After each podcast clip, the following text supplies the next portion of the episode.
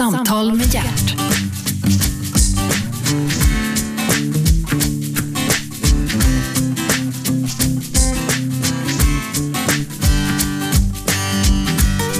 God morgon och hjärtligt välkomna till Radio 1, pratradiokanalen nummer 1. Programmet heter Äntligen, jag Gert Fylking och äntligen är Loa Falkman här. Yippee! Yes, Karl Johan Loa Falkman. Hur länge har det varit Loa? Eh, sen jag inte blev uppsläppt på ett, eh, ja som, som officiellt namn, Ja. eh, har det, är det bara något, eh, två år eller sånt där. Jag blev inte uppsläppt på ett flygplan. Eh, du vet, ibland kan man ju se när det kommer en person så redan på 500 meter ser man att det här är en skitstövel. Ja. Eller tvärtom. Ja. Men tyvärr var det så att det kom en, en Hermes-draperad kvinna och så tänkte jag att du är jävligt dum. Och det var hon lu- lustigt nog också. För då skulle jag upp till Peter Forsberg och spela golf uppe i Örnsköldsvik. Och då stod det Loa Falkman på biljetten och jag heter ju Karl Johan som bekant. Ja, ja. Och blev inte upp, eh, upp, insläppt. Och då blev det inte så mysig stämning på Arlanda. Men det slutade med att jag ringde Peter och sa att nu får du tio minuter på dig, sen åker jag hem igen. Det var inget problem, han ägde flygbolaget. Men då var det en klok man som hette Sola eh, och har hetat det sedan eh, han föddes. Han heter antagligen Sven-Olof. Och Ja. Varför sätter du inte in det här på, på ditt pass? Vilket jag nu har gjort. Så nu officiellt heter jag Loa. Men, jag har blivit kallad Ja, men Loa. hallå, hallå, hallå, hallå. Det, det är ju inte så att du direkt är okänd. Alltså man, man associerar ju ditt ansikte till Loa. Möjligen. Många gör det. Ja, men inte just hon kan man säga. Nej. Men sen är det också så när man, åker, när man flyger utomlands och, och säkerhetsbestämmelser. Så att det, det är bara att... Ja, och det där har jag varit med om. Har man skägg på, på passbilden och inte i verkligheten och, och, och tvärtom. Nähä, hallå. Så är det. Så Mm. det Och tänk dig då om du har en turban uppe på det. Ja, jag brukar gömma den under skjortan faktiskt. Du, Loa Falk var född 24 juli 1947. Ja, Lite drygt 60 år. Ja. Hur känns det? en man i sina bästa år. Är det så? Ja, tycker jag. Eh, det är klart att eh, man är väl inte så jävla sexig på morgonen. Eh, det kanske man inte behöver vara. Och sen så tänker jag på Magnus Härenstams eh, åldringsmonolog när han knyter skorna. När han säger, när man ändå är här nere ska man passa på att göra något annat också. ja, det är lite så. Ja. De grå tidningarnas charm. Du är ju vithårig. ja, jag färgar mig Du gör det? för att se lite originell ut. Ja, men eh, lite Hur gör du? tunnhårig också. Hur gör du Eh, det? nej, jag, jag, har, eh, jag har köpt en, en ny eh, barberare. Panasonic heter han. Faktiskt. Det var en dyr reklam. Ja. Ja. Du, eh, d- d- jag måste säga, det som, det som lite grann som jag ville hänga upp mig på initialt är din pappa. Ja. Jag har skrivit en bok, Spill inte på Göring. Göring. Ja. Eh, Alltså, eh, nej det kanske man inte skulle göra, men var han servitör din pappa? Ja, det var så att han blev eh, nedskickad av min farfar Harald med ett hovleverantörsbevis från Gustav V ner till en stjärnkrog som heter Horscher i Berlin. Okej. Han, skulle, han började som restaurangman, pappa. Och eh, sen visade det sig då att eh, rätt snart att det här var eh, nazisternas hov och livkrog. Okej. Så mitt i natten så fick pappa åka upp med hundra brutna ostron till Göring. Ja, ja. Och då tänkte han ju på sitt naiva sätt att han sitter där med några polare Ja, ja. men icke så, utan eh, bland bajonetter och k-pistar fick han bana sig iväg med de där hundra brutna ostarna på ett isat fat. Eh, och där satt eh, farbror Herman alldeles ensam och smackade i sig det där. Så att, och sen har han skrivit en bok om, han serverade Hitler, Ramlösa och spenat och, och Ja, ja. överhuvudtaget, och det är lite recept och en mycket rolig bok. Ja, men Hermann Göring hade ju svensk koppling. Absolut, så Mm. att eh, han var gift med Karin. flicka från Essen. Mm. Jag kan berätta en sak för dig. Ja. Min faster var kompis med Karin. Åh fan. Så så är det. Ja, ja, ja. Så, så att, I know people in high places. Nej, det var därför jag lite grann fastnade för det. Ja, okej. Men du, vi ska inte prata om det, utan vi ska prata om Loa Falkman. Eh, vad, ska vi kall- vad ska vi sätta för epitet på dig? Du är operasångare, det vet vi. Eh, Skådespelare, det vet vi. Eh, sångare, det vet vi. Och jag gör en distinktion mellan operasångare och sångare, är det rätt? Ja, alltså det, det, du kan ju liksom inte sjunga Gubben Noak med operaröst. Då, då börjar ju barnen gråta. Så att, Ja. eh, Nej, det, man får ju anpa- anpassa sångrösten till, till det material man har. Jag menar, sjunger du din favoritopera Barbernes vilja till exempel så går det inte med, med, med en visröst utan då, ska du, då måste du ha teknik för då sitter det 120 gubbar och kärringar och filar och tutar. Så att, då måste du ha operaröst med bihålsklang och hela apparaten så att Ja. säga. Bihålsklang, de flesta har inte bihålsklang utan de har bihålsinflammation. Ja, tyvärr. Men du, Lo, Loa, du, jag, jag skulle vilja sätta entertainer på dig. Funkar det? Ja, det kanske det gör alltså, i vissa fall. Det, det är ju lite olika saker jag gör. Jag menar, ibland så eh, spelar jag teater eller filmar eller också står jag på operascen. Eh, Eller sjunger visor? eller sjunger visor. Alltså jag, ja, jag vet inte, jag blir lite osäker på vad jag ska kalla mig själv. Eh, men alltså det handlar om mitt grund, grundönskan när jag var liten faktiskt.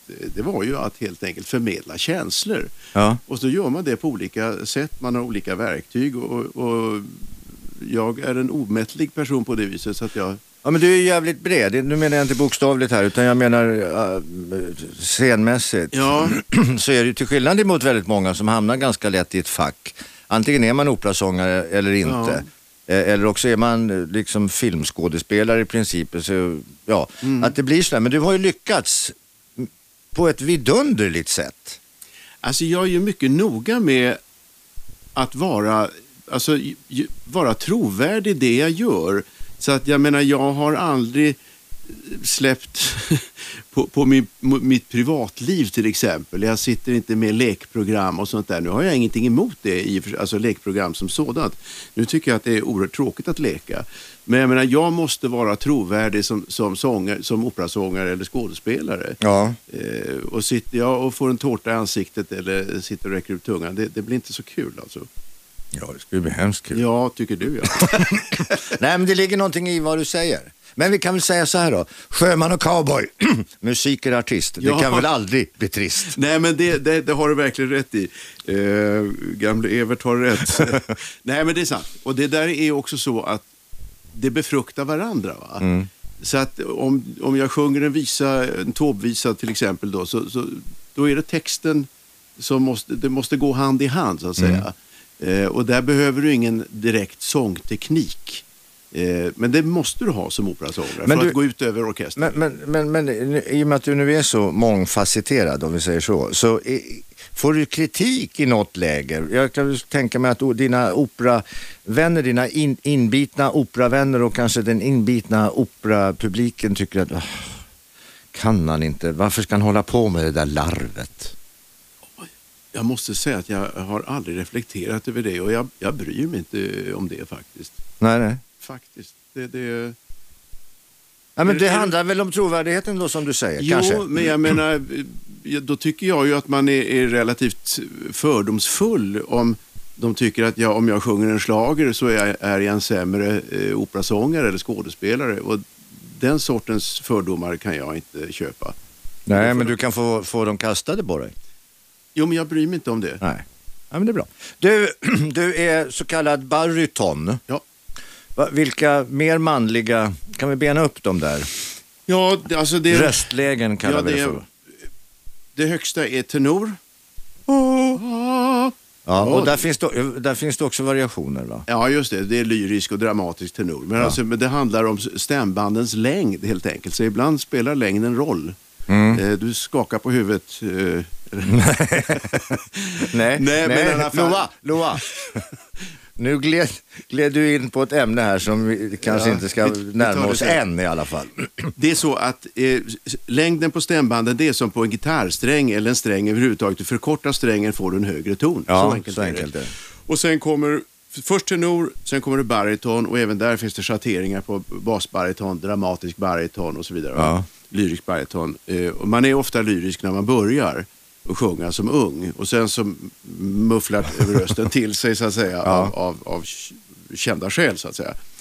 Och sen har du då bas, eh, basläget och det är samma sak med det. Var är du nu? Ja, ja nu är jag, jag är rätt lyrisk fortfarande faktiskt, bariton. Ja. Eh, Jag hade ju förmånen att, att få vara med nu, inte för så länge sedan, nere i, i Göteborg på Lotta på Liseberg, Ja. allsången där. Och då, då kom det fram eh, en man eh, som sa så här efteråt, åh Loa, tänk att du fortfarande sjunger så bra. ja, det är, väl, det är väl snällt sagt, absolut. Men det är ju färskvara, så att du måste, liksom, du måste jobba Ja. på, på din teknik hela tiden. Ja. Du måste eh, sköta dig, alltså rent fysiskt. Jag är ute och går en timme varje morgon, eh, åker skidor en och en kvart varje morgon när det är vinter. Ja, ja. Jag röker inte naturligtvis, jag snusar inte, men dricker omåttligt mycket vätska. Sportdryck. Sportdryck. Nej, men så är det. Så att, eh, det, det är som en idrottsman helt enkelt. Ja, man måste sköta sig. Absolut. Det är därför att, eh, annars kan du inte prestera. Nej, och sen måste du se anständig ut på scen. Du måste vara trovärdig på scen. Du kan Ja. inte komma in som en jävla friggebod och, och försöka vara första älskare. Nej. Men, Ja, nu kastar jag mig inte över dig. Jag såg att du höll käften i flera sekunder här, Gert. Nej, jag försökte komma med något giftigt Ja, jag, jag såg det immade lite på glasögonen där. jag, hörde, jag, på tal om stämbanden där så hörde jag Birgit Nilsson, vår fantastiskt Ja. stora världsberömda operastjärna. Hon fick frågan av eh, Lennart Nilsson, fotografen. Ja. Han ville fotografera hennes stämband. Okej. Eh, och då så sa Birgit Nilsson, tack så hemskt mycket Lennart, men jag vet vad du har haft den där kameran förut. Alltså Birgit var så slagfärdig så liksom, att det var inte klokt. Jag, jag hade glädjen att- medverka med i hennes sista produktion, Frau under Schatten av Strauss. Eh, där jag gjorde någon enögd eh, våldsman av något slag. Men i alla fall, vi stod och väntade på en, en, en, en entré, en kuliss. Och då står man och småpratar lite grann och så frågade Birgit med stort B vad Birgit skulle göra härnäst. Ja, jag ska till Madrid imorgon på och ha en orkesterkonsert. Och så går det några dagar och så kommer vi tillbaka till samma entré och står och småsnackar igen. Och så får jag hur gick det Birgit med, med orkesterkonsert? Ja, or orkestern var väldigt dålig med publiken hemsöt. De följde mig hem. och det var, det var som hon tyckte att det var som att gå i mjölkan eller vad som helst. ja, du lyssnar på Radio 1. Jag pratar med Loa Falkman. Programmet heter Äntligen. Jag heter Gert Fylking och jag är väldigt rosslig i halsen. det är förkylningstider. Är du inte rädd att bli förkyld? Eh, ah, jag, alltså, rädsla är inte riktigt min, min affärsidé, men eh, jag ser det på ett annat sätt. Att jag håller mig igång och tränar, ja tränar och tränar, men jag håller, går och promenerar och är det någon som är förkyld så, så blir det ingen tungslet i alla fall. Nej, nej. Nej, det det kan man väl undvika. Men eh, förkylningar är ju ofta, ja livet är hårt, men eh, vad heter det, de är ju ofta luftburna. Ja, alltså, du kan inte, du kan inte, är, är de värsta eh, förkylningstider så undviker jag att åka kommunalt. Annars eh, har jag inga problem med det. Nej, sa han och tog upp en näsduk. Nej, jag blev så rörd över det jag sa själv.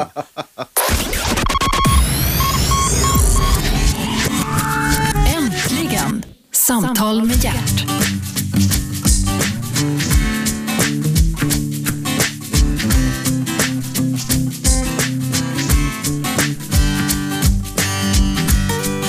Välkomna tillbaka, du lyssnar på Radio 1, pratradiokanalen nummer 1. Äntligen heter programmet, jag heter Gert Fylking och äntligen är Loa Falkman här. Känner du dig som eh, äntligen välkommen till Radio 1? Oavbrutet, det är underbart. Hela tiden. Jag kan berätta att Loa Falkman klädde upp sig speciellt för detta ögonblick. Han har röda långbyxor, slacks kallas det för. Eller det heter det inte kanske. Jag har ingen aning. En röd fin sån här pikétröja Ja. och kavaj. Väldigt matchande. Och röd näsa. Röd näsa. Ja, vi skulle ju Röda prata ögonvitor. lite grann. Ja. Vi skulle ju prata lite grann om det, ja. Du, vad är det här med Krista akademin? Knistad-akademin, det är så att det var Lasse Berghagen som drog med mig till, eh, till en golfklubb utanför Skövde. Okej. Ha, ha, ha, ha. Och där eh, finns det en fantastisk eh, man som heter Sylvester Jelinek som driver här med järnhand. Han går upp fem på morgonen och går och lägger sig, eller han går aldrig och lägger sig förresten. Eh, men där samlas vi ett gäng från, från eh, Stockholm under ledning av Härenstam och Berghagen och Bengan Jansson och undertecknad och några till. Och sen kommer ett gäng från, från Göteborg. Okej. Eh, i, i, I spetsen går eh, Leif Mannerström i enmansprocession. Och så lagar vi mat, spelar golf och dricker vin och ljuger något fruktansvärt i, i två, tre dygn. Okej. Och sen åker vi hem och vilar upp oss. I tre veckor. ja, absolut. Men vad trevligt. Ja, det är jättetrevligt. Där ser man faran med golf alltså. Absolut. Ja, nej, det är underbart. Mm. Ja, det, jag, jag förstår. Jag har aldrig vågat mig på golf.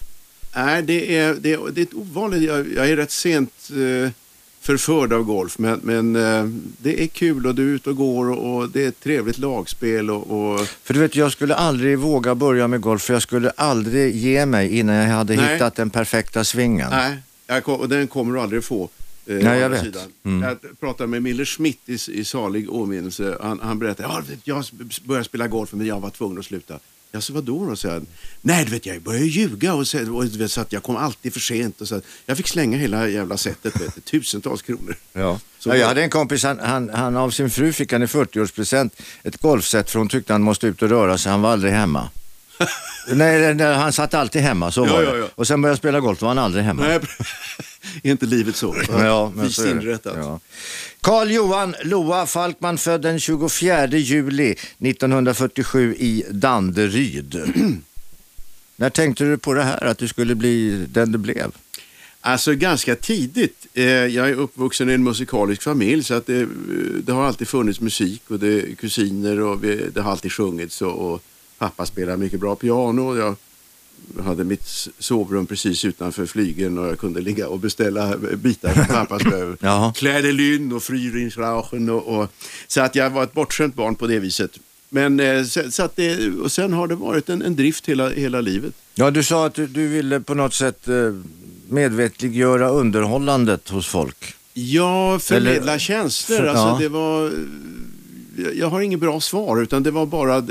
En del är födda har en tanke att de ska bli Formel 1-förare eller de ska bli tjurfäktare eller operasångare. Det är ungefär Mm. lika riskabelt allt. Ja, och du valde det tredje alternativet. Ja. Sport i övrigt då, förutom golf? Är du intresserad av sport? Ah, jag är ju intresserad, jag är ishockeyfreak lite, inte freak, men eh, jag är intresserad av, av ishockey och eh, av födsel och ohejdad vana är jag djurgårdare och ska nu sjunga på tisdag på Globen, eh, Du gamla, du fria. Ja, då Och kan det- vi ju gratulera då, för Djurgården vann ju elitseriepremiären här mot HV. Ja, det är, så ska det vara ser du. Ja. Men mamma som var med och startade, som var gymnastikdirektör, var med och startade Djurgårdens damsektion på eh, 18 kallt. Nästan. Eh, och vi var på stadion vid något tillfälle när jag var kanske fem sex bast. Och eh, jag var yngre tror jag. Och så var det fotboll och så sa hon, heja på Djurgården, får du en cola? Så, du förstår, jag har haft en hård uppväxt. ja, det må jag säga. Jag gick till skolan för det. Väldigt dåligt. Vad kul att du tog upp det. Det gjorde det? Ja, Alltså du, du gick ju gamla skolan, Ja. i, där man gick eh, folkskola, realskola och gymnasie va? ja en del gick gymnasiet. Mm. Ja, jag vet. Ja. Nej, men folkskola och, eh, och realskola, sen fick det vara bra för mig. Och du tog realexamen Ja, med grå mössa. ja, mental grå mössa, men hela skoltiden var väldigt grå å andra sidan. Så nej, jag tyckte inte om skolan, jag tyckte inte om lekskolan heller. Så att kollektivet har väl aldrig riktigt varit min, min eh, grej. Nähä. Nej, nej. Eh, men, men hur var det med tjejer då? Jo, men det var väl kul. Eh, var, var det någon särskild du tänkte på? Nej, verkligen inte. Jag bara ställer frågor här. Ja. Jag, har, jag har inte, min research sträcker mig inte till, till, till vem, vad, vilka Nej, och men hur. du ser, jag håller ju på mitt privatliv som Mm. jag sa tidigare. Så att, eh, nej, innan jag gifte mig med Rosie, och vi har väl varit gifta i 35 år och sådär, så hade Ja, det jag ett väl du veta. oerhört långt förhållande med Claes av Geijerstams syster Elisabeth som Jaha. är en förtjusande människa. Och vi höll ihop en hel vecka. Jaså? Mhm. Mhm. Då så. Då, då kan jag förstå resten. Ja, Men du, du, eh, du har ju alltid, eh, inte alltid, jag, när man, man ser dig så du är väldigt observant när det kommer kvinnor gåendes. ja, det är väl mer en reaktion. Ja, inte erektion utan reaktion. är du dyslektiker? ja, det är det enda jag har gemensamt med kungen tror jag. ja. Men du min vän, ja. vi skiter i det. Vi, vi är gamla båda två, då får vi titta. ja, absolut. Ja. Det, om man glömmer bort varför man tittar, då är det allvarligt. Det är då problemen uppstår. absolut. Men du, du är hovsångare. Ja. Vad är det? Det är en hederstitel eh, och det innebär att man då, då blir uppkallad till hovet och, och sjunga på någon festlighet. Eller om det är något stadsbesök. Mhm. Är man tvungen att sjunga gratis då? Ja, det gör man. Ja. Det är ju jävligt smart. Absolut.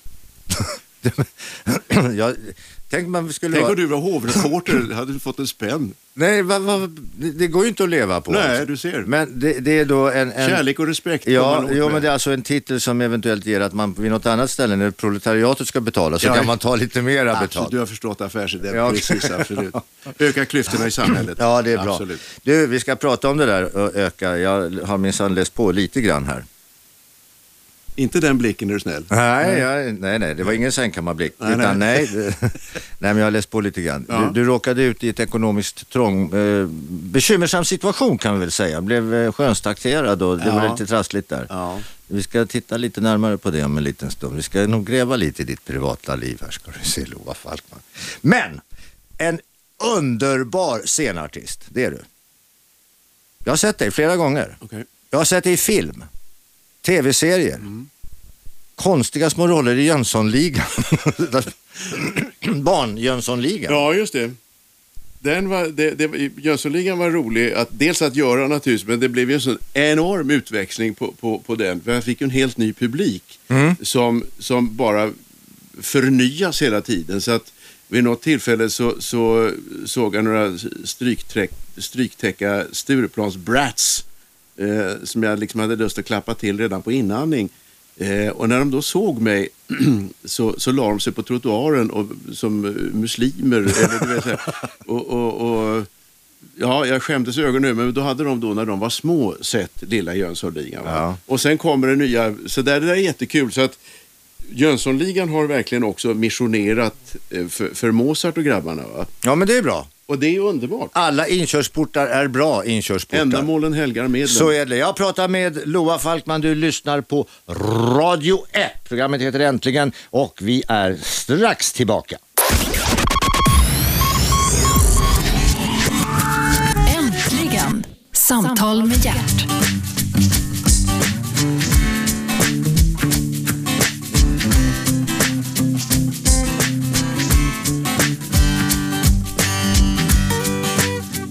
Välkomna tillbaka. Du lyssnar på Radio 1, pratradiokanalen nummer 1. Programmet heter Äntligen. Jag heter Gert Fylking och äntligen är Loa Falkman här. Sjömannen, cowboyen, musikern, artisten. Eh, du har många strängar på din lyra. Loa. Thank you. Det gäller att lira rätt på dem också. Mm. Om du dessutom sätter dig aningen närmare mikrofonen. Hej! Hej! Du, det här... Eh, när, när operasångare pratar, Ja. då, då, då tar de med sig liksom delar ifrån operascenerna och de pratar så att det låter. Det påminner om när jag gick på Kalle Flygares teaterskola eh, sista tiden när Kalle levde. Och han, han sa att Åh, ni, måste, ni måste börja prata ordentligt så folk hör. Och Alla, vi tyckte det var urlarvigt. Nej men det är inte, det är inte larvigt alls, sa Kalle. Hör på mig, jag pratar, det låter ju inte alls larvigt. Nej men det är, ju en, det är ju en träningsfråga och hur du utnyttjar, om vi återkommer till eh, bihålorna här, Ja. som jag pratar med varmt och löddrig om, eh, så är det att utnyttja klangen i bröstkorgen och i, i eh, just besagda bihålor. Det var väldigt vad vi snöade in på den. Men, men så är det. Och sen har man då stödet, så att det blir ju en, en, en muskulär reaktion. Men nu för tiden behöver man ju inte det där. Nu för tiden har de ju ett litet, som en liten ståltråd ner med en liten Ja, men inte på, opera, inte på operascenen. vorta på. Nej, inte på operascenen. Där är det fortfarande... Ja. Men jag, jag sjöng på Dalhalla häromdagen på deras eh, avslutningskonsert den 3 eh, september här. Eh, och då hade vi en sån här liten ståltråd. Så att, men då, då sjöng jag i fullt ös så att säga. Ja. Och hur de gör med megahertzen det har jag ingen aning om. Nej.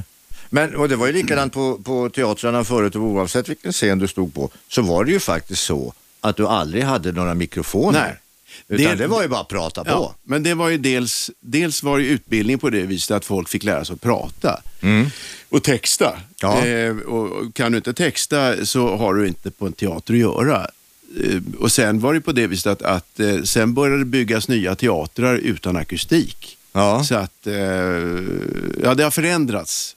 Men jag menar, har du på, på Dramaten där jag var för några år sedan och gjorde Trettondags afton, det, det, jag menar, det går ut hur du än gör så att säga, för det är så bra Till och med arkitekterna var bättre för.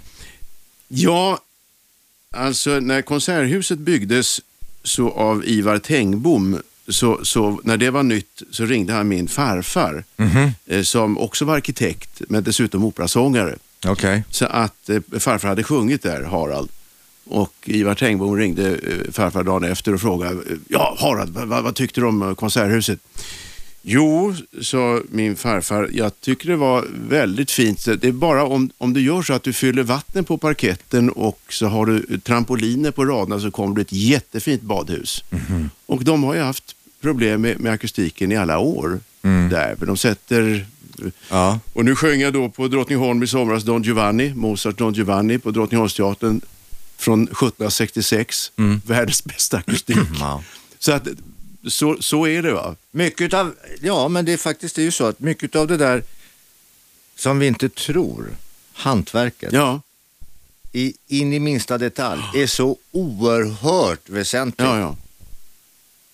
Men alltså om vi pratar om Drottningholmsteatern, detta världsarv som är ett världsarv. Hela maskineriet är totalt intakt från 1766. Så att du kan göra ett changement, ett, ett, ett, en, ett byte helt enkelt. Va? Det kan komma jävlar och änglar och kulisser och åska och gud vet vad på en sekund. För att det, är så sinnrikt hela maskineriet. Så är det, och går, är det gubbar och tanter som går och drar stora hjul. Det är Ja. fantastiskt. Det är fantastiskt. Plus denna akustik. Så att eh, där ska världsstjärnorna stå i kö eh, och privatplanen ska stå som yrsnö på Bromma eh, för att få komma till Låt mig Drottningholmsteatern. alltså återigen konstatera, det var bättre förr. Det var bättre förr. Halleluja broder. Ja. Du, du har ju varit runt på, på diverse scener världen över, eh, på de så kallade husen och då pratar vi alltså om operahusen. Eh, vilket är bäst? Alltså nu pratar vi bara akustikmässigt. Ja, jag har inte varit runt så förfärligt många hus. eh, Det var väl en period när jag turnerade med Peter Brook eh, och Carmen. Men ja, då, då gjorde vi förresten, han hade ju också en förmåga att leta upp gamla sunkiga eh, lagerlokaler och... eh, Ja, det var lite hans idé. Ja, och då, Peter Brook alltså. Ja, men sen blev det ju permanenta. Alltså, vi hade nere i, i, i eh, Barcelona så uh, spelade vi på, på eh, Mercado de Flores, blomstermarknaden som var fullt uh, sönderruttnat. Men det, det, blev, det blev en så bra lokal där så att jag tror att de har permanentat den lokalen. Var är det sämsta du har uppträtt någonstans? Ur lokalsynpunkt? Ja, det har jag förträngt. Men det, det, det är förskräckligt, för det är en sån... Man är så laddad inför en konsert att man, man, adrenalinet sprutar ur öronen och så går man in och så är det som att få en... en och så, då har publiken kommit att akustiken förändras så Ja, ja, kolossalt Ja. av när, när det kommer pu- publik. Va? Ja, med mjuka material och... och Mjuka, mjuk, Ja. vidrigt, men det är designat som fan. Eh, men i- det fanns en, en, en, mardr- jo, en mardrömsteater, jag vill inte nämna namn, som Hjalmar Bergman-teatern i Örebro. Hemsk. Alltså. Eh, för där var då designade stolar för hu- hundratusentals kronor som gick runt åhöraren. Ja. Så ingen hörde när den andra fnissa eller grät. Eller, Nej, man nej. kunde aldrig, alla satt som små öar. och den Eh, är väldigt obehaglig för man tror att man ska ramla ner också. Dels det, så man sitter som på ett apberg och sen är det ett verkstadsgolv. Och vi var där nere med Operan för många, många år sedan och gjorde Läderlappen som då skulle vara så kallat kul och lite lättsamma. Ja, ja. Dödstyst i salongen. Jaha. För ingen hör när den andra fnissar. Nej. Och man jobbar ihjäl sig. Alltså, halsådrorna står som trädgårdsslangar. Va? Man sjunger. Så att, eh, Det, fin- det där är väldigt viktigt med publikens reaktioner. Det finns ett klipp nu på Youtube där man eh, har, har Reinfeldt står och pratar om sysselsättning och sen har man lagt på publika skratt och, och klippt in Ja. bilder på en fullständigt hysteriskt eh, liksom glad publik. Alltså det blir så, det blir Ja, så, det- ja, det, det- blir så en ståpa. Ja, ja, men det är som du, om, du, om du dricker eh, en Coca-Cola och tittar på någon som dricker mjölk samtidigt. Det blir ju sån här chock också. Ja.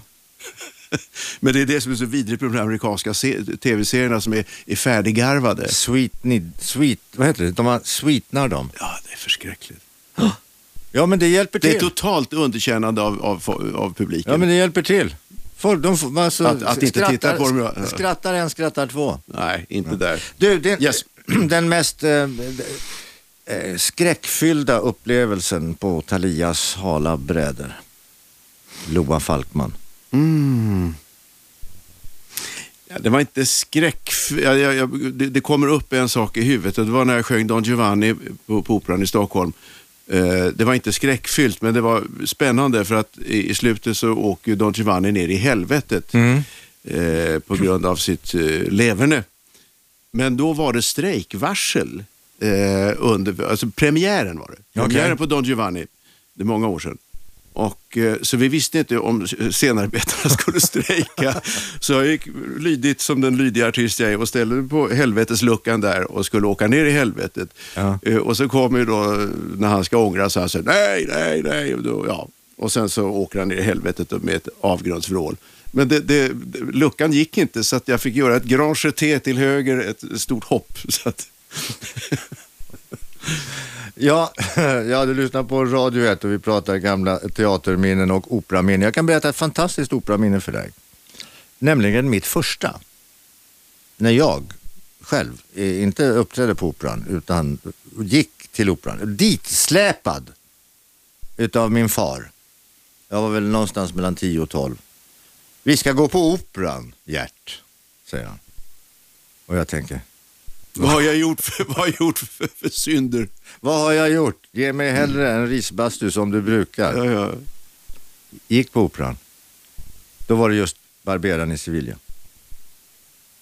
Och jag kommer in där och tänker, var har jag hamnat? Är det här himlen månne? Alltså jag hade ald- aldrig sett något sånt Ja, fantastiskt underbart. vackert. Eh, lokal och det, människor som rörde sig och var uppklädda, Ja, ja. fint uppklädda. De- de- Man hade ju nästan smoking när man gick på, på operan, eller frack på den tiden. Det blev- det- Och kvinnorna rörde sig och det, man pratade lågmält. Det enda man hörde skramlade lite om juvelerna. Sen så sätter man sig in i salongen och så järnridån, Jaha, så går den upp. Ja, det är järnridån. Mm. Och så kommer det en lukt av Ja. smink och... Och, och, så, helt, och så ett jättedike fram mellan scen och salong. Där det satt hur mycket folk som helst. Och så började de sjunga. Och jag var såld. Det gläder mig. Det var fantastiskt. fantastiskt. Och att, att just som, som, eh, som ung få, få den liksom, eh, man behöver inte älska opera i all sin eh, framtid sen, men att få den möjligheten att få det, för det, det är de här tre timmarna eller två timmarna som en föreställning tar, de är väl en sak. Ja. De kan man väl bjussa Ja. på. Men sen, upplevelsen, Ja. den lever ju Ja. Hur länge som helst. Men det, det, det har också en, en, jag har en, en god vän som inte ett dugg intresserad av opera, men i tonåren hade han problem av olika sorter. Då gick han på operan. Första akten vet han inte var han är någonstans. För han sitter och löser sina problem där. Ja, ja. Och sen så i andra akten är han med på spåret alltså. Ja. Så att undermedvetet så genomsyras kroppen av, av eh, ja, Ja, jag, kan bara, jag kan bara, härmed så kan jag bara tipsa publiken, eh, gå till Operan och se en föreställning. Punkt slut. Det är en Bra. upp, uppmaning helt enkelt. Absolut, även från mig. Ja, ja, det förstår jag, för du vill väl fortfarande ha, ha lön? Ja, har, har du någon? är du anställd numera? Nej, inte sedan 1990. Eh, Då sa jag upp mig eh, på Operan eh, efter en, en, en väldigt tydlig dröm. Och eh, jag jobbade väldigt mycket. Förlåt, Jag, förlåt, förlåt. Ja. Tydlig dröm. ja, jag drömmer mycket tydligt. Eh, På natten På alltså? natten, absolut. Men Loa, ja, ja, visst, jag kan prata med dig om det här också. Jag har inga svårigheter. Nej, får jag lägga mig på soffan och Ja, prata om det här? absolut.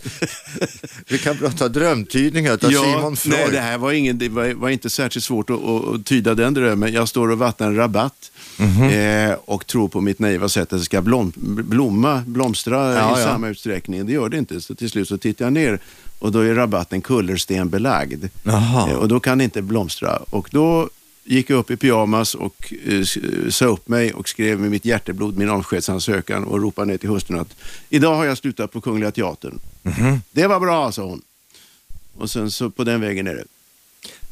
Nu var det, det var den tidens, så att det var, jag fick jobba väl, jag hade gjort Ja. rätt mycket eh, krogshow och folkpark och film och så. Jag drog ganska mycket folk och eh, Du var ett namn. jobbade mycket, ja för all del. Va?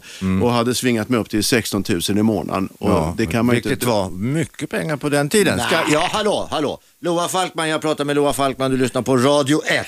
Vi ska gå igenom Loa Falkmans syn på pengar alldeles strax. Programmet heter Äntligen, jag heter Gert Fylking.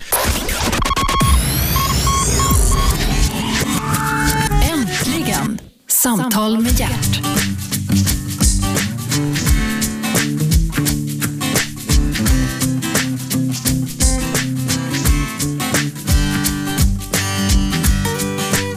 Yes, välkomna tillbaka. Du lyssnar på Radio 1. Äntligen heter programmet och äntligen är Loa Falkman här städes. Loa, det är väldigt roligt att prata med dig. Du har ju väldigt mycket anekdoter. Eh, Du har bjussat väldigt lite på ditt privata liv. Ja, Varför det? Eh, för att det är ingen som har med det att göra. Jo, eh, vad heter det, Radio 1s lyssnare. Ja, så de. Men säg det då för fan. Nej, Nej. men det, det har... Nej, därför att man vet väldigt mycket om dig och samtidigt så vet man ingenting.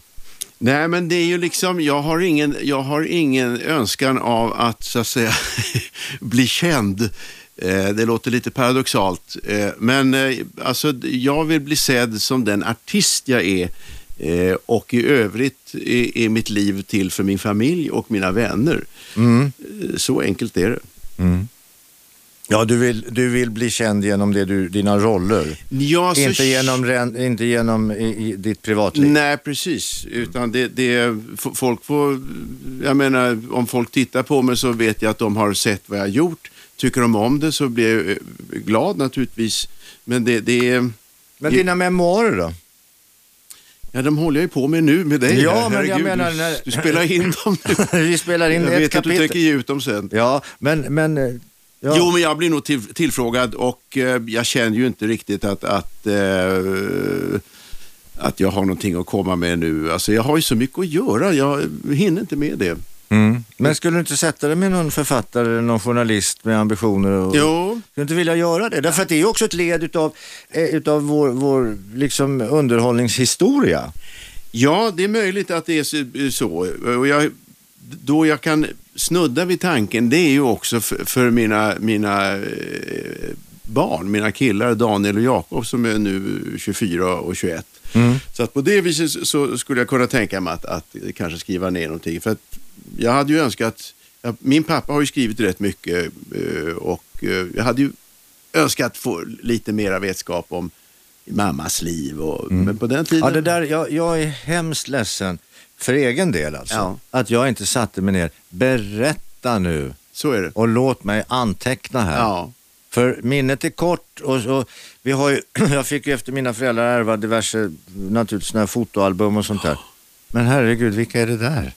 Ja. Vilka är de? Nej, Och ingen kan Varför du fråga. förekommer de på alla bilder? Och ingen kan du fråga. Nej. det är sorgligt. Det är för jävligt. Ja, det är faktiskt det. Och det är väldigt slarvigt att man inte gör därför det. Är det någonting som vi ska liksom, tycker jag, ta hand om så är det ju vår egen lilla historia. Men sen är det ju också det att det är också ett bevis på att man lever i nuet. Och det vågar jag påstå att jag gör och jag ser att du gör det absolut. Va? Men många gånger är det så att folk håller på att planera för framtiden. De håller på att rota i historien om oförrätter och skit överhuvudtaget. Men är inte i nuet. Och det, det vågar jag påstå att det, det, så jobbar jag. Men du, har du bra gener då? Hur gammal ska du bli? Eh, ja, mamma dog tre veckor före sin hundraårsdag. Okej. Så att eh, det kan man väl hoppas på. Eh, så att vi hade en kombinerad eh, begravning och hundraårshippa. Mm, det Det blev bra. väldigt lyckat. Ja, det kan jag Ja. tänka mig. Och ett glas sherry på det. Ja, två. Till och med det. Eh, och, på, på, på, på den andra sidan, är det lika bra där eller? Nej, pappa dog lite för tidigt. Han var bara 74 eller något sånt där. Men, men För att det där har man ju konstaterat nu att livet, livet som man lever och man röker och man dricker och man har sig, det spelar inte så stor roll. Det är, det är alltså vad har du på genetiken? Ja, just det. Nej, det var vid något till. tillfälle jag fick någon åkomma och jag blev ju rätt irriterad. Så att, eh, men då sa min läkare att det där ska du skita i för det där stod på ditt kretskort när du föddes. Ja, men det är ju så. Så lite har man att säga till om. Ja, men det är ju så. Ja. Men är, du- är du rädd för det här då? Du, du är själv man och det, det, du börjar komma upp i åldern, prostatan ger sig till känna och s- gå upp på natten. Och... Är det så? Nej, alltså rädsla är som sagt inte riktigt min affärsidé. Men eh, vad, vad jag är noga med, det är ju det som jag tidigare sa med min hälsa, att jag äter anständiga grejer, hårt hållen av en balettdansös. Dricker anständigt, röker inte, snusar inte, motionerar varje dag. Men sen har jag då eh, läkarkoll två gånger om året. Okej. Så att, eh, Du är mån om... Jag är, mån om, jag är medveten och mån om saker, men jag är, Mm. inte, jag är inte rädd. Nej, men du har, ju- jag menar till och med hur det ser ut där inne kan vi ju inte veta, men skalet ser ju ganska fräscht ut. Jo, men lite, lite fettsugning och lite smink. Ja, Va? ja och lite Vore det tandblekning. Och... Då kommer man ju långt här i Ja, världen. absolut. Det, det gör Ja. man ju faktiskt. Loa, hur ser framtiden ut? Jo, men den är... låter som sån nyfrälst positiv. Jo, men den är positiv. Ja. Jag, jag har eh, kul saker framför mig och eh, så att... Och när det, eh, det kokar ner till hälsan och när, när den är bra då är det kul och när barnen mår bra det är det viktigaste av allt. Och vad får vi se i dig i härnäst? Ja, nu ska jag fortsätta med Romeo och Julia, musikalen på Göta Lejon. Ja. Så Med stor glädje ska vi göra det med, med Lisette Pagler och Måns Zelmerlöw. Mm. Och ett kanongäng som dansar och sjunger och en underbar orkester. Så det glädjer jag mig mycket åt. Så där spelar vi i princip torsdag till lördag och eh, det är familjesuccé vågar jag påstå, detta drama. Mm. Ja, men det är det ett är drama, alltså det är världens, världens bästa kärlekshistoria Mm. och sen är det då musik av Beach Boys, Metallica, eh, Michael Jackson, så alla känner igen sig. Så det är stor rock'n'roll på Du, kvällen. han var ganska duktig han som skrev eh, Shakespeare. Han fick till det bitvis. Ett blivande löfte kort.